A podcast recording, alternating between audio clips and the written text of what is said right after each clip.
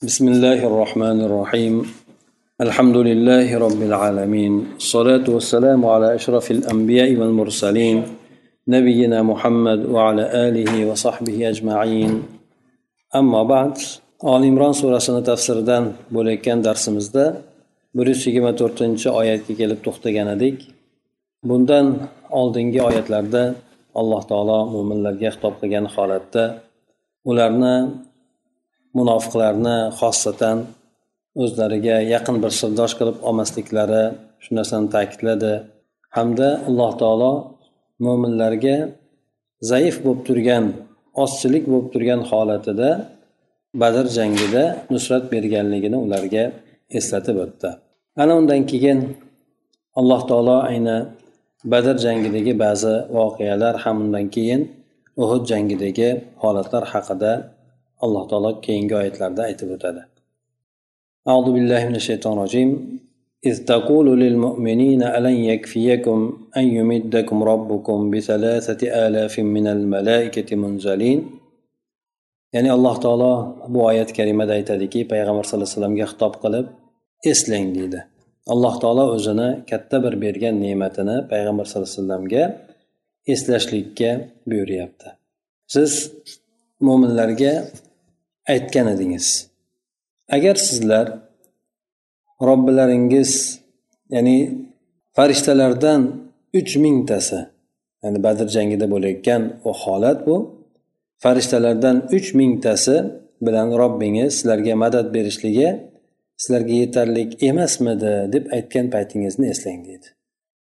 Demak badr jangida musulmonlar uch yuz o'n besh uch yuz o'n yettita odam bo'lgan edi xolos. Mushriklar esa ming atrofida undan tashqari musulmonlarda unchalik qurol yarog' tomonidan ham bir bemalolchilik yo'q edi. Shunday bo'lib turgan holatda ham musulmonlar bu yerda g'alaba qozonishdi. Bu g'alabani sirini esa alloh taolo tomonidan berilgan nusrat bilan alloh taolo bog'layapti. Demak alloh taologa hech narsa emas ekan. Agar ollohni yo'lida kurashayotgan banda yoki o'sha toifa alloh taoloni roziligi uchun harakat qilar ekan. Alloh taolo ularga yordam berishligi inson kutmagan tomonidan aytaylik bu yerda uch ming farishtani nozil qilinishligi o'sha jang maydoniga bu judayam katta alloh taolo tomonidan beriladigan madad bo'ladi. Qachoniki aytib o'tganimizdek alloh taolo bandalaridan xolislikni hamda to'g'rilikni biladigan bo'lsa mufassir aytadiki hayna taqul li ashabik ama yakfiyakum an yu'inakum robbukum bi inzali thalathati alafin min al malaikati li nusratikum va tathbitikum. Ya'ni siz o'zingizni sahobalaringizga aytgan paytingizda endi sizlarga robbilaringiz yordam ber sizlarga yordam berishlik uchun qadamlaringizni mustahkam qilishlik uchun farishtalardan uch mingtasini nozil qilishlik bilan sizlarga yordam berishligi yetarli bo'lmaydimi? Alloh taolo sizlarga uch ming farishta yordamga jo'natadigan bo'lsa sizlarga yetarli bo'lmaydimi? deb aytgan paytingizni eslang deydi. Demak farishtalarni tushishligi mo'minlarga yordam berishlik bilan hamda ularni sobit qadam qilishlik bilan bo'ladi. Bu o'tmishda payg'ambar sallallohu alayhi vasallam davrida bo'lgan bo'lsa mana badr jangida bundan keyin yana bir qancha janglarda ham alloh taolo o'zi nusratini berganligini bayon qilib o'tadi. Demak bu narsa faqatgina bitta jangga xos emas ekan balki bu o'sha payg'ambar alayhisalomni davrida bo'lgan hamda bu narsa bu ummatga alloh taolo tomonidan beriladigan katta bir ne'mat shu kungacha yoki qiyomat kunigacha bu narsa davom etadi. Faqatgina nusratni kelishligini sabablarini bandalar ado etadigan bo'lsa bo'ldi. Ana undan keyin yana alloh taolo o'zi aytadiki bala in tasbiru va tattaqu va ya'tukum min favrihim hada yumdidukum robbukum bi khamsati alafin min al malaikati musawwimin. Ya'ni qandayyam yetmasin uch ming askar. E, uch ming farishta bo'lib ham farishtalar. Ha farishtalar o'zi bittasi agar katta bir hajmga ega bo'ladiganni jo'natiladigan bo'lsa bittasi yetarli bo'ladi. Ha shunday farishtalar borki mana tog' farishtasi payg'ambar sallallohu alayhi vasallam toifdan tushgan paytida u kishiga ko'ndalang qilingan edi. Agar xohlasangiz makkadagi ikkita tog'ni shunday makka ahlini ustiga yovib qo'yadi. Agar xohlasangiz buyuring shunday ishni qiladi deb aytadi. Lekin payg'ambar sallallohu alayhi vasallam ularni zurriyotidan alloh taologa ibodat qiladigan kimsalar chiqishligi umid qilaman deb alloh taolodan bu balo tushirishligini payg'ambar alayhissalom tilamaydi. O'sha bir farishtani o'zi mana jibril alayhissalomni o'zi ikki qanotni o'rtasida lut alayhissalomni qishlog'ini og'dar to'ntar qilib yuboradi. Ikkita qanotni o'rtasida. Demak uch yuzta farishta tushishligi albatta o'sha holatga yoki mavqega xos mos bo'lgan holatda tushganligi anglashimiz mumkin. Aks holda bitta farishtani o'zi butun askardan o'z ustun kelishligi g'olib bo'lishligi ham mumkin. Alloh taolo aytadiki bala qandayyam yetarli bo'lmasin. O'zi dushman mingta bo'lsa bo'lib ham oddiy insonlar bo'ladigan bo'lsa uch mingta farishtani tushishligi nega yetarli bo'lmasin? Lekin yana buni ustiga agar sizlar sabr qiladigan bo'lsalaringiz va alloh taolodan taqvo qiladigan bo'lsalaringiz o'sha sabr qilib harakatlaringizda bardavom bo'ladigan bo'lsalaringiz mabodo sizlarga dushman to'satdan kelib qoladigan bo'lsa yoki ulardan madad ham kelib qoladigan bo'lsa alloh taolo tomonidan ya'ni besh mingta jangda chiniqqan yoki jangga tayyorlangan farishtalardan farishtalar bilan alloh taolo sizlarga madad beradi deydi. Demak bu yoqdan xotirjam bo'linglar. Sizlar asosiy qiladigan ishinglar sabr qilib o'sha alloh taolo buyurgan narsada bardavom davom etinglar dedi har qanday holatda agar dushman o'shanday bo'lgan holatda shoshib sizlarga keladigan bo'lsa ham ya'ni har tomondan madadi bilan keladigan bo'lsa ham alloh taolo yana sizlarga farishtalarni nozil qilaveradi deb alloh taolo mo'minlarni ko'nglarini xotirjam qildi. Yana bu narsa insonni ko'nglini xotirjam qilishligi shu bo'ladiki oddiy bir inson tomonidan aytsaki agar mabodo bironta dushman hujum qiladigan bo'lsa men senga palonta askar jo'nataman deydigan bo'lsa inson ko'ngli ancha xotirjam bo'ladi.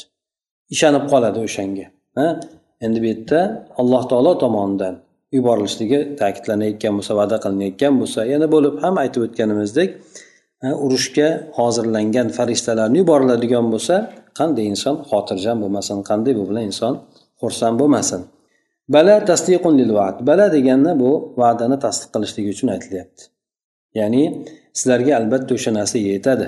Uch mingta so'z yetar edi sizlarga. Lekin jangda sabr qiladigan bo'lsalaringiz robbilaringizdan taqvo qiladigan bo'lsalaringiz buyrug'iga itoat qilib e, keyin endi o'sha paytda mabodo dushmanlar sizlarga kelib qoladigan bo'lsa alloh taolo sizlarga besh mingta farishta bilan sizlarga madad berishga ham qodir yoki madad beradi. Ya'ni bu farishtalar qanday farishtalar? Qurol qurolda ya'ni muallamin qurolga o'rgatilingan va jangga e, ular chiniqtirilgan yoki bo'lmasa jangga tajriba qilib o'rgatilingan. Yo o'qitilgan shunday bo'lgan farishtalarni sizlarga yuboradi dedi. Musavvamin yoki bo'lmasa musavvamin degan e, ma'noni yoki musavvimin boshqa qiroatda ham keladi. Ya'ni buni ma'nosi shuki e, buni tafsirida har xil olimlar fikr bergan bu yerda e, qurolga o'rgatilingan deb ma'no beribdi ba'zilarida esa alomat bilan keladi. Xuddi jangga chiqadigan odamni o'zini ko'rishni alomati bo'ladi.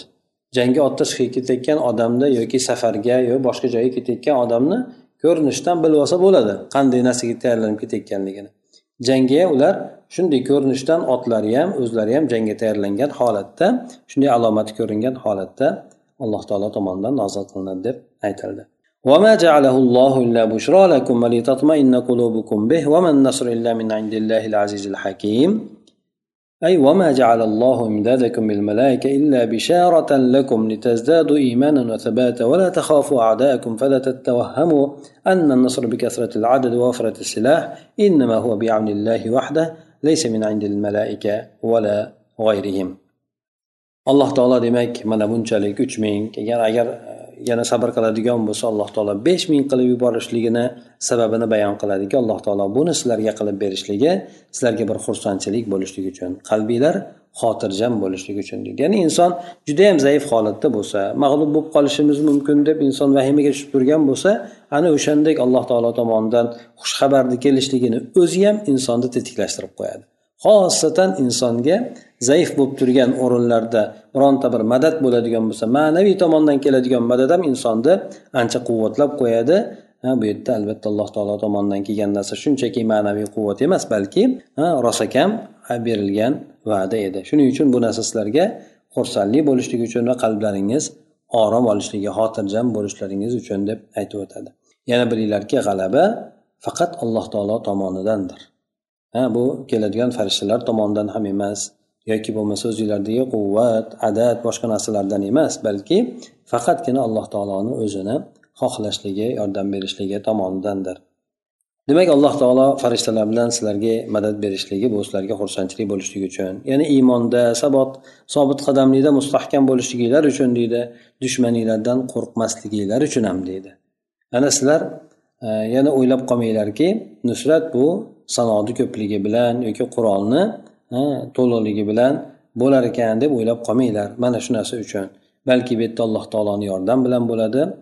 Bu yerda farishtalar yoki ulardan boshqalar tomonidan emas. Mana dushman keldi juda yam ko'p adatda keldi. Ular qurolda ham bor adatda ham bor hamma tomoni bor lekin nusrat ularni chetlab o'tadi. Nimaga? Sababi alloh taolo yordam beradi. Yordam berishligi alloh taoloni askarlari ko'p xohlagan narsasi bilan alloh taolo yordam beraveradi. yana farishtalarni tushishligi musulmonlarni quvvatlashligi bilan birgalikda dushmanlarni qalbiga qo'rquv solishligi uchun ham tushadi ha qalbiga qo'rquv solib mana muhammad surasida bu haqida bayon qilib o'tadi demak farishtalarni tushishligi dushmanlarni qalbiga qo'rquv solishligi uchun hamdir ليقطع طرفا من الذين كفروا أو يكبتهم فينقلبوا خائبين أي ذلك التدبير الإلهي من أجل أن يهلك طائفة منهم بالقتل أو الأسر ويهدم ركنا من أركان الشرك أو يكبتهم أو يخزيهم ويهينهم فيرجع أذلاء مخذولين وقد حقق الله ذلك فقتل في بدر سبعون من صداديد الكفار كفر وأسر منهم سبعون وفر الباقون يجرون ثياب الذل والهزيمة aytadiki alloh taolo bu bir tomondan mo'minlarga xursandchilik xotirjamlik bo'lishi bilan birgalikda shuningdek alloh taoloni diniga judayam qattiq qarshilik qilgan kimsalarni bir tomonini kesib tashlashlik uchun deydi. Ularni anchasini halok qilishlik uchun. Shunda ular nima bo'ladi? Ularni xorlab jo'natadiki ular orqalariga umidsiz bo'lgan holatda ya'ni toruzlari qo'ltig'idan tushgan holatda qaytadilar deydi. Mufassir keltirib aytadiki demak mana bu ilohiy tadbir ya'ni alloh taolo tomonidan shuncha farishtani yuborilishligi bu narsa albatta o'sha kofirlardan bo'lgan bir toifasini halok qilishlik uchundir. Buni bir toifasini o'ldirishlik bilan boshqa bir toifasini esa asirga olishlik bilan. Yana shuningdek o'sha shirk rukunlardan bir rukunni sindirishlik bilan ya'ni katta quvvatini katta kuchini badr jangida ularni sindiriladi. Av yakbitahum degani ma'nosi yuhziyahum yuhinahum ya'ni ularni sharmanda qilib judayam bir xor holatga solib qo'yishlik. Ana ular shundan keyin yordamsiz tashlangan holatda xor bo'lib qaytishadi.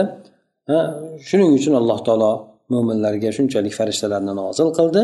Haqiqatdan olloh va'da qildi. Avvalo shuningdek alloh taolo va'dasini ro'yobga ham chiqardi.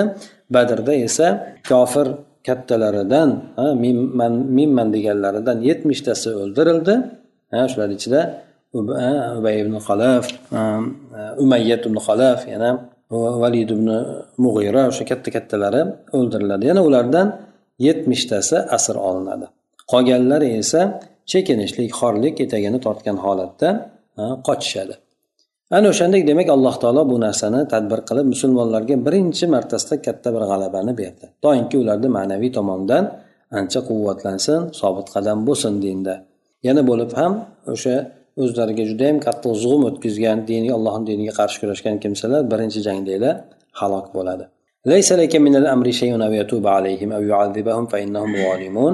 لما كسرت رباعية الرسول صلى الله عليه وسلم وشج وجهه الشريف قال كيف يفلح قوم شجوا رأس نبيهم وكسروا رباع كسروا رباعيته وهو يدعوهم إلى الله تعالى؟ فأنزل الله هذه الآية ليس لك من الأمر شيء. رواه مسلم. ana endi undan keyin badr jangini ularga eslatib o'tgandan keyin badrda demak alloh taolo nusratini berdi nusrat alloh taolo tomonidan har jangda kelishligi mumkin faqatgina nimaga endi bu yerda o'ylashligimiz mumkin? Alloh taolo mana badr jangida ularga nusratni berdi. Uhud jangida ham ikkita toifa sal qoldi orqaga qaytib ketishligida lekin alloh taolo aytdiki ularni sobit qadam qildi. Alloh taolo o'sha yerda mustahkam qilib ularni yana askarga qaytdida qaytardida e, uhud tomonga askarlar hammasi bo'lib borishdi endi. Ya'ni uchdan bir munofiqlar ya'ni askarni uchdan biri qaytib ketgandan keyin. Lekin ikkinchi o'rinda alloh taolo sobit qadam qilmadi. Qaysi o'rinda edi? Kamonchilar yo'l haligi nimani itoatsizlik qilgan paytida. Itoatsizlik qilgan paytida alloh taolo ya'ni holatni o'zlariga tashlab berdi. Ungacha alloh taolo nusratini bergandi. Albatta bu ham hikmatda behikmat emas. Alloh taoloni hikmati juda yam katta. Ya'ni ikkita toifani qaytib ketishligiga yaqin bo'lgan payti bular hayolidan kechgan payt edi. Qaror qilishgani yo'q edi. Ha ikkinchisida esa bularga ta'kidlangan edi. Bulardan azmu qaror olingandi. Boshliq tomonidan buyurilgandi ham payg'ambar alayhisalom har qanaqangi holat ko'rsanglar ham tushmaysizlar deb turib lekin bular dunyoviy bo'lgan narsani ko'rib ya'ni dunyo bo'lgan narsani odamlar tashlab ketayotgan o'ljalarni boshqalarni ko'rib turib dunyoga bo'lgan muhabbat oshib ketib qolibdi buyruqni unutib turib ular ham pastga tushib mushuklarni orqasidan quvlab ketishdi. Shunda ularga katta mag'lubiyat keldi. Bu narsa musulmon jamoasini aybi bilan bo'lgan edi. Shuning uchun alloh taolo ularga bir dars bo'lishligi uchun bitta bo'ladigan noto'g'ri tadbir yoki noto'g'ri harakat jamoatni katta bir halokatga olib borib qo'yishligi mumkin ekanligini alloh taolo ularga ko'rsatib qo'ydi. Bo'lib ham boshliqqa itoat qilishlik yoki rasulga itoat qilishlik judayam muhim narsa ekanligini bu yerda ularga amaliy suratda bayon qildi. Ana o'shandek demak alloh taolo undan keyin bu yerda bo'ladigan narsalar bo'lib o'tdi. Ya'ni musulmonlar ancha qochishdi bu yerda chekinishdi. Payg'ambar alayhissalomni atrofida ham judayam ozchilik qoldi. Hatto ba'zi sahoba erkaklar bo'lsin sahoba ayollar bo'lsin ba'zilar judayam qattiq payg'ambar alayhisalomni himoya qilib urushdi o'sha yerda bir qanchasi shahid ham bo'lib ketdi sahobalardan. Lekin shu asnoda payg'ambar sallallohu alayhi vasallam ham katta jarohatlandi. Jarohatlanganligi dubulg'asi bu yerga kirib ketdi ya'ni betini yorib turib kirib ketdi. Boshi peshonasi yorildi payg'ambar alayhissalomni ham. Ana o'shanday bo'lib turgan paytida bu kishi allohga duo qiladi. Ya'ni duo qilishlik albatta duo ibat qiladi. Ularni dushmanlarni haqqiga alloh taologa duo ibat qiladi. Shunda alloh taolo aytdiki ya'ni siz uchun ishdan biron narsa yo'q dedi. Ya'ni ular zolim bo'lganligi uchun alloh taolo ehtimol ularni azoblar. Ehtimol kechirib yuborar. Tavbasini qabul qilib alloh taolo keyinchalik kechirib yuborar. Lekin ish sizni qo'lingizda emas. Sizni qo'lingiz ularni da'vat qilishlik ularga qarshi kurashishlik. Iymonga kirsa kirib qoldi yoki alloh taolo azoblasa azoblaydi bu narsa hammasi alloh taoloni qo'lida dedi. O'sha jangda ishtirok etganlardan ancha munchasi keyinchalik musulmon bo'ladi. Demak alloh taolo ularni haqida qilingan duoibatni payg'ambar alayhi vasallamdan qabul qilmadi nimagaki ularni keyinchalik iymon kelishligi yoki alloh taolo kechirib yuborishligi borligi uchun. Inson shuning uchun boshiga keladigan hamma narsada duoibat qilavermaslik kerak. Chunki ehtimol duoibat insonda aytaylik e, oxirgi nuqtasida bo'ladigan narsa lekin payg'ambar sallallohu alayhi vasallam shu yoqqacha bo'lgan narsalarida ko'p ularni haqqiga duo qilib so'rardi hidoyat qilishligini lekin o'tkazishib yuborganda u kishi duoibat qildi. Shunda ham alloh taolo u kishiga bir qator tanbeh bergan holatda inson u kishini qiladigan ishlari asosan odamlarni da'vat qilishlik dinga din dinni ularga yetkazishlik demak e, sabr qilishlik hamda bu yerda ehtimol alloh taolo ularni tavba qilar deb ishora qildiki ehtimol tavba qilishligiga ularni kechirishligiga. Mufassir ham aytyaptiki demak bu yerda payg'ambar alayhisalomni ruboiy ya'ni tishlari oziq tishlari sindirilgan paytida yuzlari yorilgan paytida aytdiki qanday qilib zafar topish mumkin? Payg'ambarini boshini yorigan tishini sindirgan qavm qanday qilib zafar topishligi mumkin deb alloh taologa duo qilardi. Alloh taolo keyin shu oyatni nozil qildi. Ya'ni siz uchun ishdan biron narsa yo'q dedi. Ya'ni siz qilavering hidoyat alloh taoloni qo'lida. Hm? Ya'ni ey muhammad sallallohu alayhi vasallam mana bularni ishi biron mana bularni ishidan biron narsa siz qo'lingizda emas. Siz ularni iymonga majburlashlikka ham qodir bo'lolmaysiz. Shuningdek ularni tavba qildirishlikka ham qodir bo'lolmaysiz. Shuningdek azoblashlikka ham qodir bo'lolmaysiz. Hamma ish alloh taoloni qo'lida. Ehtimol alloh taolo ularni islomga tavbaga muvaffaq qilib qo'yar yoki bo'lmasa agar kufrda qattiq turishadigan bo'lsa azoblar.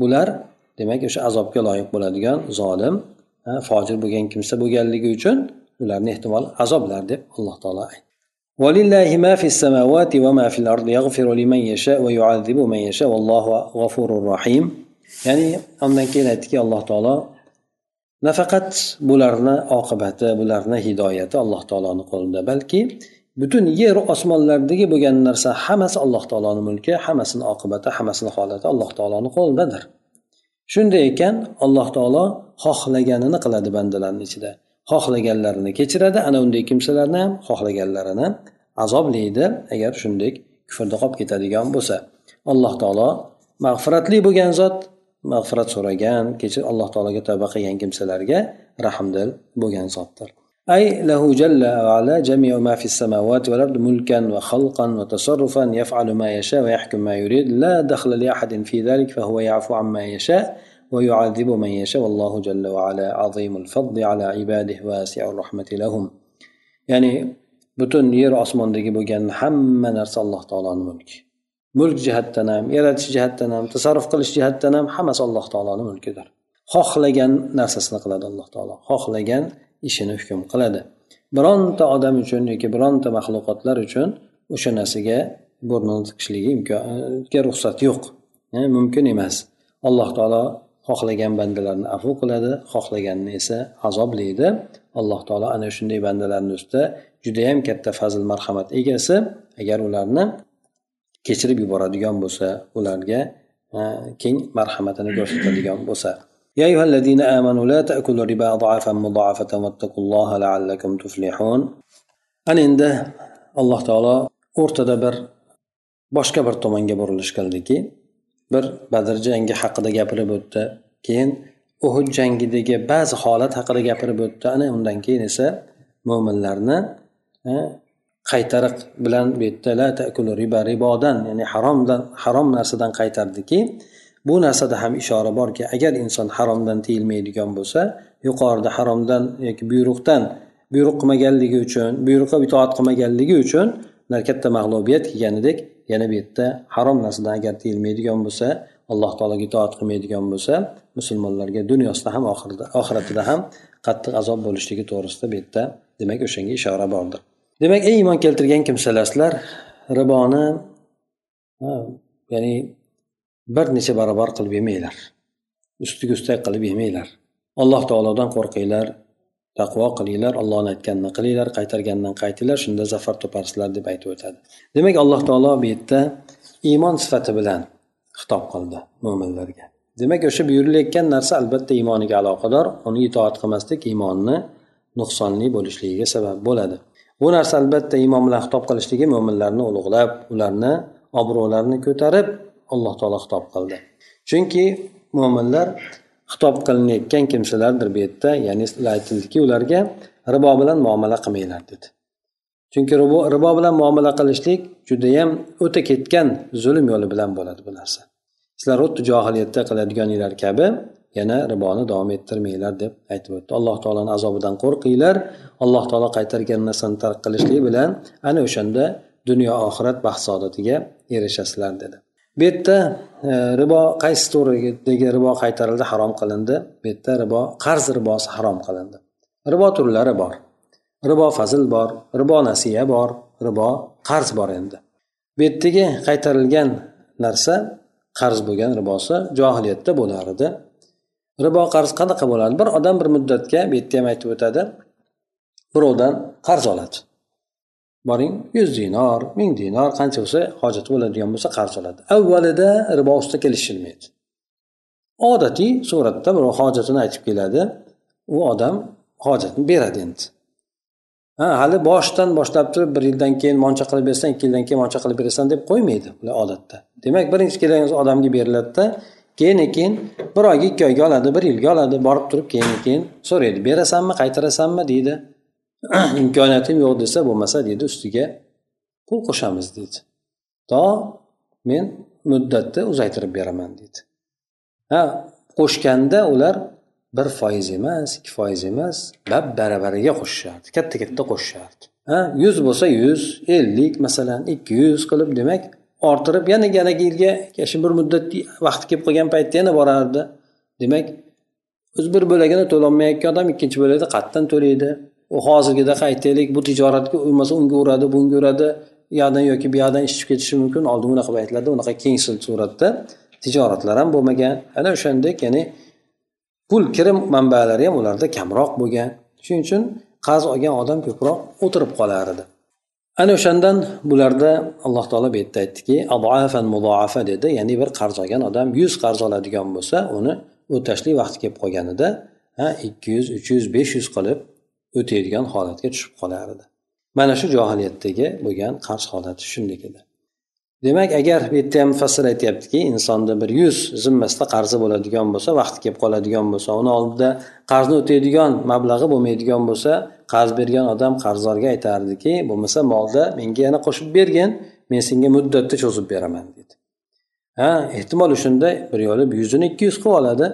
Agar endi yana muddat kelib qoladigan bo'lsa ikkinchi muddat ham kelib qolsa xuddi shu narsani takrorlardi. Demak bu yerda o'sha birinchi bergan yuzini sababidan bir necha yuz ehtimol minglabni olardi undirib olardi. Mana bu narsa demak hozirgi bizni asrimizda ustiga miniladigan ustiga ustak bo'ladigan ustiga miniladigan foyda deb nomlanadi deydi. Oyat esa bu yerda agar ribo nisbati judayam oz bo'ladigan bo'lsa bu bois bo'laveradi. Deydigan haysiyatda bir qaydni qo'yayotgani yo'q. Bu yerda bir necha barobar qilib yemanglar degani ya'ni ko'p bo'lsa yemanglar oz bo'lsa yo'ringlar deyotgani yo'q bu yerda. Ha? Holatni bayon qilyapti xolos. Bular bir ustiga bir necha barobar ustida yeyishardi. O'sha narsani ularga juda ham bir qattiq ya'ni o'zi o'ylab ko'ringlar. Bitta narsani qarzga olgan odam o'zi qarzdor bo'lsa uni bir necha barobar qilib sizlarga to'laydigan bo'lsa uyatmaysizlarmi degan ha? Ularga juda yam qattiq tanbeh berib ularni xunuk bir ish qilayotganligini bayon qilishlik uchun alloh taolo adoafan mudoafatan deb aytib o'tdi. Ya'ni bu yerda agar yuzda bir bo'lsa yuzda uch bo'lsa yoki shu atroflarda bo'ladigan bo'lsa bo'laveradi degan gap bu yerdan kelib chiqmaydi. Go'yoki ularga aytdiki demak sizlar bilan o'sha ta'magirliginglar judayam ochko'zliginglar zulmni eng cho'qqis darajasigacha yetib ketibdi.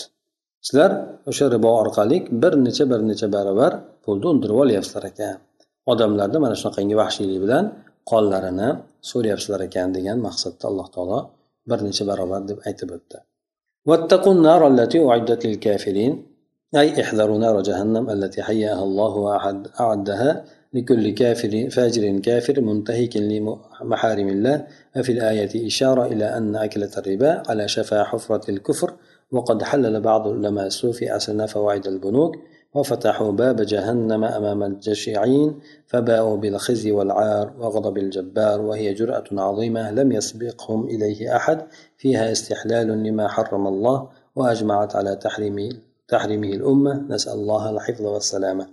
ana undan keyin alloh taolo o'sha ishni qiladigan odamlarga nisbatan do'zax bilan qo'rqitib aytdiki kofirlar uchun tayyorlab qo'yilgan do'zaxdan qo'rqinglar bu alloh taolo ularga tayyorlab hozirlab qo'ygan ya'ni har bir o'sha alloh taoloni harom qilgan narsalarni poymol qiladigan fojir bo'lsin ya'ni jinoyatkor kimsa bo'lsin kofir kimsa bo'lsin shular uchun hozirlab qo'ygan jahannam o'tidan alloh taolo ogohlantirdi. Bu oyatda demak ishora bor ekan. Ya'ni riboxo'rlar sudxo'rlar bular kufrni jarligini chetida turgan bu odamlar ekan bular. Sal sal qolar ekan o'sha kufr tomonga o'tib ketib qolishlikka. Yana bundan tashqari nimaga desa chunki ribo judayam qattiq harom qilingan narsalardan birisi. Yettita halok qiluvchi gunohlardan birisi hisoblanadi. Hatto ba'zi rivoyatlarda kelishicha ortiq darajada harom qilingan ya'ni riboni o'ttiz olti darajamikan o'sha shug'ullanishlik harom bo'ladi deganda eng kami inson o'zini onasi bilan yaqinlik qilganidek degan mazmunda ham keladi. Eng past darajasi. Yana undan tashqari ribo to'g'risida hop ribo bilan shug'ullanishlik qanchadir bir zinodan ko'ra og'irroq degan mazmunda keladi. Endi rivoyat to'g'risida sal gap bor zaifligi boshqasi to'g'risida lekin judayam qattiq suratda aytilgan nimaga? Zino bitta odam bilan cheklanishligi mumkin. Yoki bitta kichkinagina bir toifa bilan yoki majmua bilan cheklanishi mumkin. Lekin ribo bo'ladigan bo'lsa davlatlarni sindirib tashlaydi. Ha butunlik o'tkazib qo'yadi. Bu narsalar hozirgi paytda judayam yoki yaqin tariximizda juda yam ko'zga ko'ringan narsalardan misol keltiriladigan bo'lsa ko'p. Hattoki davlatlarni bir kecha kunduzda sindirib qo'ygan. Judayam katta suratda.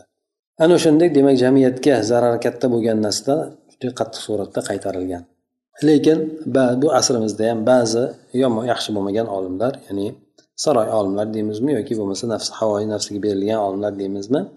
Bular o'sha bankni foydalarini halol qilib berishdi va ochko'z bo'lgan odamlarni oldida jahannam eshiklarini lang qilib ochib qo'yishdi. Bu bilan ular dunyoda sharmandaligu xorlikka yo'liqishdi alloh taoloni g'azabiga ham duchor bo'lishdi.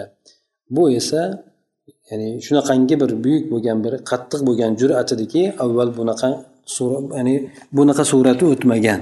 Ya'ni bunda butun ummat hammasi uni haromligiga kelishib turgan bo'lsayu o'sha harom bo'lgan narsani halol qilib berishlik bor. Mana shuning uchun avvalda biron o'tmagan darajadagi qattiq bir jur'at edi bular tomonidan deydi.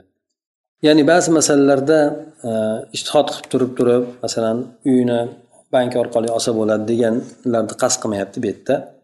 Allohu alam ochiqdan ochiq ba'zi ribo turlarini ya'ni havoyi nafsiga yoki hokimiyatga boshqalarga e, ya'ni ularga bo'ysungan holatda halol qilib bergan bo'laveradi deb bergan ochiq suratdagi ribo turlarini bu yerdagi haligi ishtihod orqali yoki bo'lmasa ba'zi olimlarni e, avvaldagi ba'zi olimlarni so'zlanmagan holatda emas balki ya'ni o'zini havoyi nafsiga ergashgan holatda riboni halol qilib bergan mana shunaqangi demak odamlar bo'ldi deydi.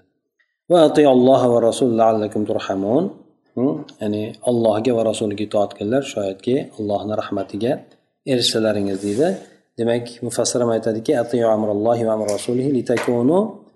من المؤمنين الأبرار الذين تنالهم رحمة الله عز وجل demak sizlar alloh va rasulini buyrug'iga itoat qilinglar urushda bo'lsin agar itoat qilmasanglar mag'lubiyatga uchraysizlar ekan hayot urushdan tinchlik holatda bo'lsin agar itoat qilmaydigan bo'lsalaringiz unda jahannam qirg'og'iga yoki jarligiga borib qolishlaringiz mumkin demak o'sha riboni harom qilgan paytida yemanglar degan paytda kofirlar uchun tayyorlab qo'yilgan do'zaxdan ogohlantirdi demak mo'minlar ham o'sha jahannam azobidan nasibador bo'lishligi mumkin qachoniki alloh taolo harom qilgan narsalarni qiladigan bo'lsalar itoatdan yuz o'giradigan bo'lsalar وسارعوا إلى مغفرة من ربكم وجنة أرضها السماوات والأرض أعدت للمتقين أنا undan keyin alloh taolo itoat qilishlikka buyurgandan keyin itoat qiladigan bo'lsa ularni mukofotlari qanday bo'lishi qanday bo'lishligi to'g'risida ham bir qator aytib o'tyaptiki demak alloh taolo tomonidan bo'ladigan mag'firatga shoshilinglar.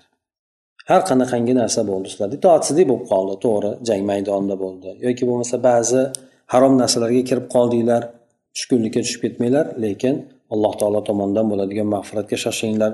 Allohga tez tavba qilib olinglar alloh taologa o'sha mag'firat so'ranglar.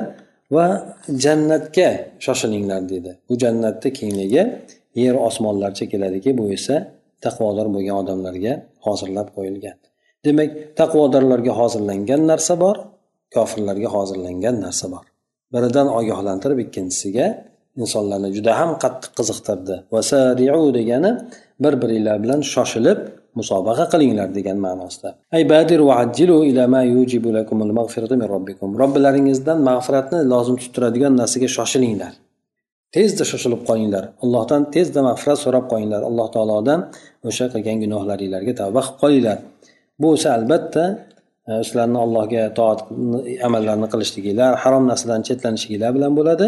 Va jannatga erishishlikka shoshilinglar. Bu jannatni esa kengligi yer osmonlarni kengligicha keladi. Alloh taolo buni bandalardan taqvodor bo'lgan bandalarga hozirlab tayyorlab qo'ygan.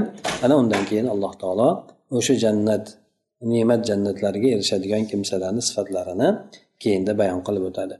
Demak yuqorida do'zaxda do'zaxga erishadigan odamlarni ba'zi sifatlarini bayon qilib o'tdiki birinchisi kufr ekan ikkinchisi alloh harom qilgan narsalar bilan inson shug'ullanib qo'yishligi ekan. Agar tavba qilib qaytmaydigan bo'lsa bu o'sha do'zaxda azoblanishlikka loyiq bo'lib qolar ekan.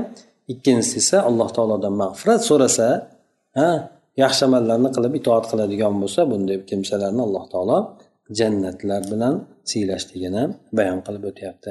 Inshaalloh kelgusi darsimizda o'sha odamlarni sifatlari bilan oyatlarni boshlaymiz. Subhanakallohumma va bihamdika nashhadu an la ilaha illa anta nastag'firuka va natubu ilayk. اللهم انفعنا بما علمتنا وعلمنا ما ينفعنا وزدنا علما.